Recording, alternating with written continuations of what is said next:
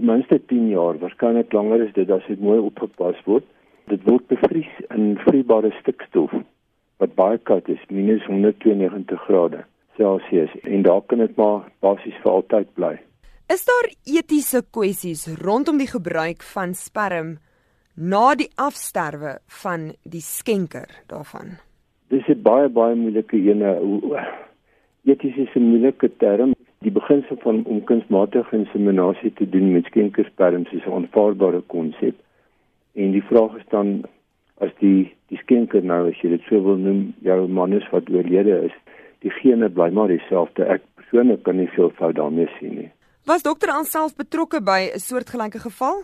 Ek was betrokke by so 'n situasie by 'n persoon wat met infertiliteitsbehandeling besig was. En die man was toe in 'n motorongeluk en hulle het hom toe kunsmatig in die lewe gehou juis om sperms te verkry. Wat hulle toe wel gedoen het, maar in daai sperms is nog bevries en ek weet nie wat verder gebeur het nie, maar dit is iets wat van tyd tot tyd opskiet, ja. In die geval van Sunny Liu word daar berig dat sy verheug was oor die moontlikheid om steeds by haar man 'n baba dogtertjie te kan hê selfs na sy dood. Wat dink dokter beteken dit vir weduwees om dit te kan doen? As jy graag 'n kind wil hê en jy moet donorsperms gebruik as jy nie getroud is nie. Is dit sekerlik as jy die genetiese materiaal ken en veral as jy 'n vorige kind het wat wat wat wel die pa was van die kind is dit die eerste keuse verseker. En um, ek dink dit het geweldig baie val beteken. Presies hoe werk in vitro bevrugting? Wat natuurlik gebeur met natuurlike konsepsie is dat die eiertjie kom uit die eierstok, hy gaan in in die in die fallopiese buis in en die sperm swem dan op tot by die eiertjie en hy bevrug die eiertjie in die fallopiese buis. En dan is daar 'n 'n reis van 5 dae waar tydens 'n embrio dan ontstaan en waar tydens die embrio afgevoer word na die uterus toe. En op dag 5 land die die embrio dan binne in die uterus en hy groei dan daar vas.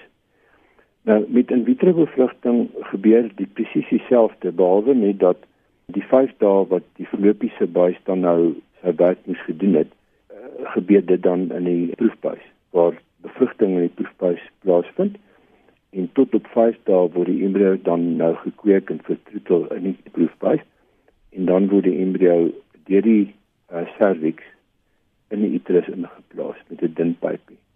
Hoe verskil in vitro bevrugting van kunsmatige inseminasie? Kunsmatige inseminasie verwys na waar 'n mens 'n saadmonster vat en dit dan deur die cervix in die uterus plaas en dan met die sperm verder swem op in die fallopiese buis en tot by die eiertjie en dan is die proses verder natuurlik. Nou in so 'n geval waar die sperm nou al vir 2 jaar gestoor is, wat sou dokter sê is die beste opsie? In vitro bevrugting of kunsmatige inseminasie? Dit hang baie af van wat die kwaliteit van die sperms was en die telling van die sperms was ten tye van die bevriesingsproses.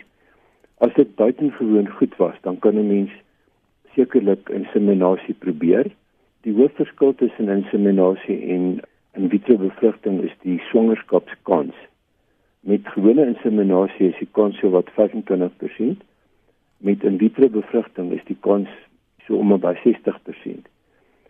Verder, as dit 'n jong vrou is wat nog baie eiertjies kan maak, kan jy met een saadmonster kan jy dan 'n klomp van die eiertjies bevrug en die ekstra embrio's wat jy nou nie terugplaas in die uterus nie, kan jy dan stoor op dieselfde manier soos wat jy sperm stoor. So jy kan baie verder kom met 'n strootjie, een strootjie sperre. Strootjie verwys na die manier hoe dit gevries word. 'n Strootjie lyk baie soos die hervulling van 'n balpuntpen. En en die sperre word dan daar geplaas en dan dan word dit in die in die bevriesingskamertjies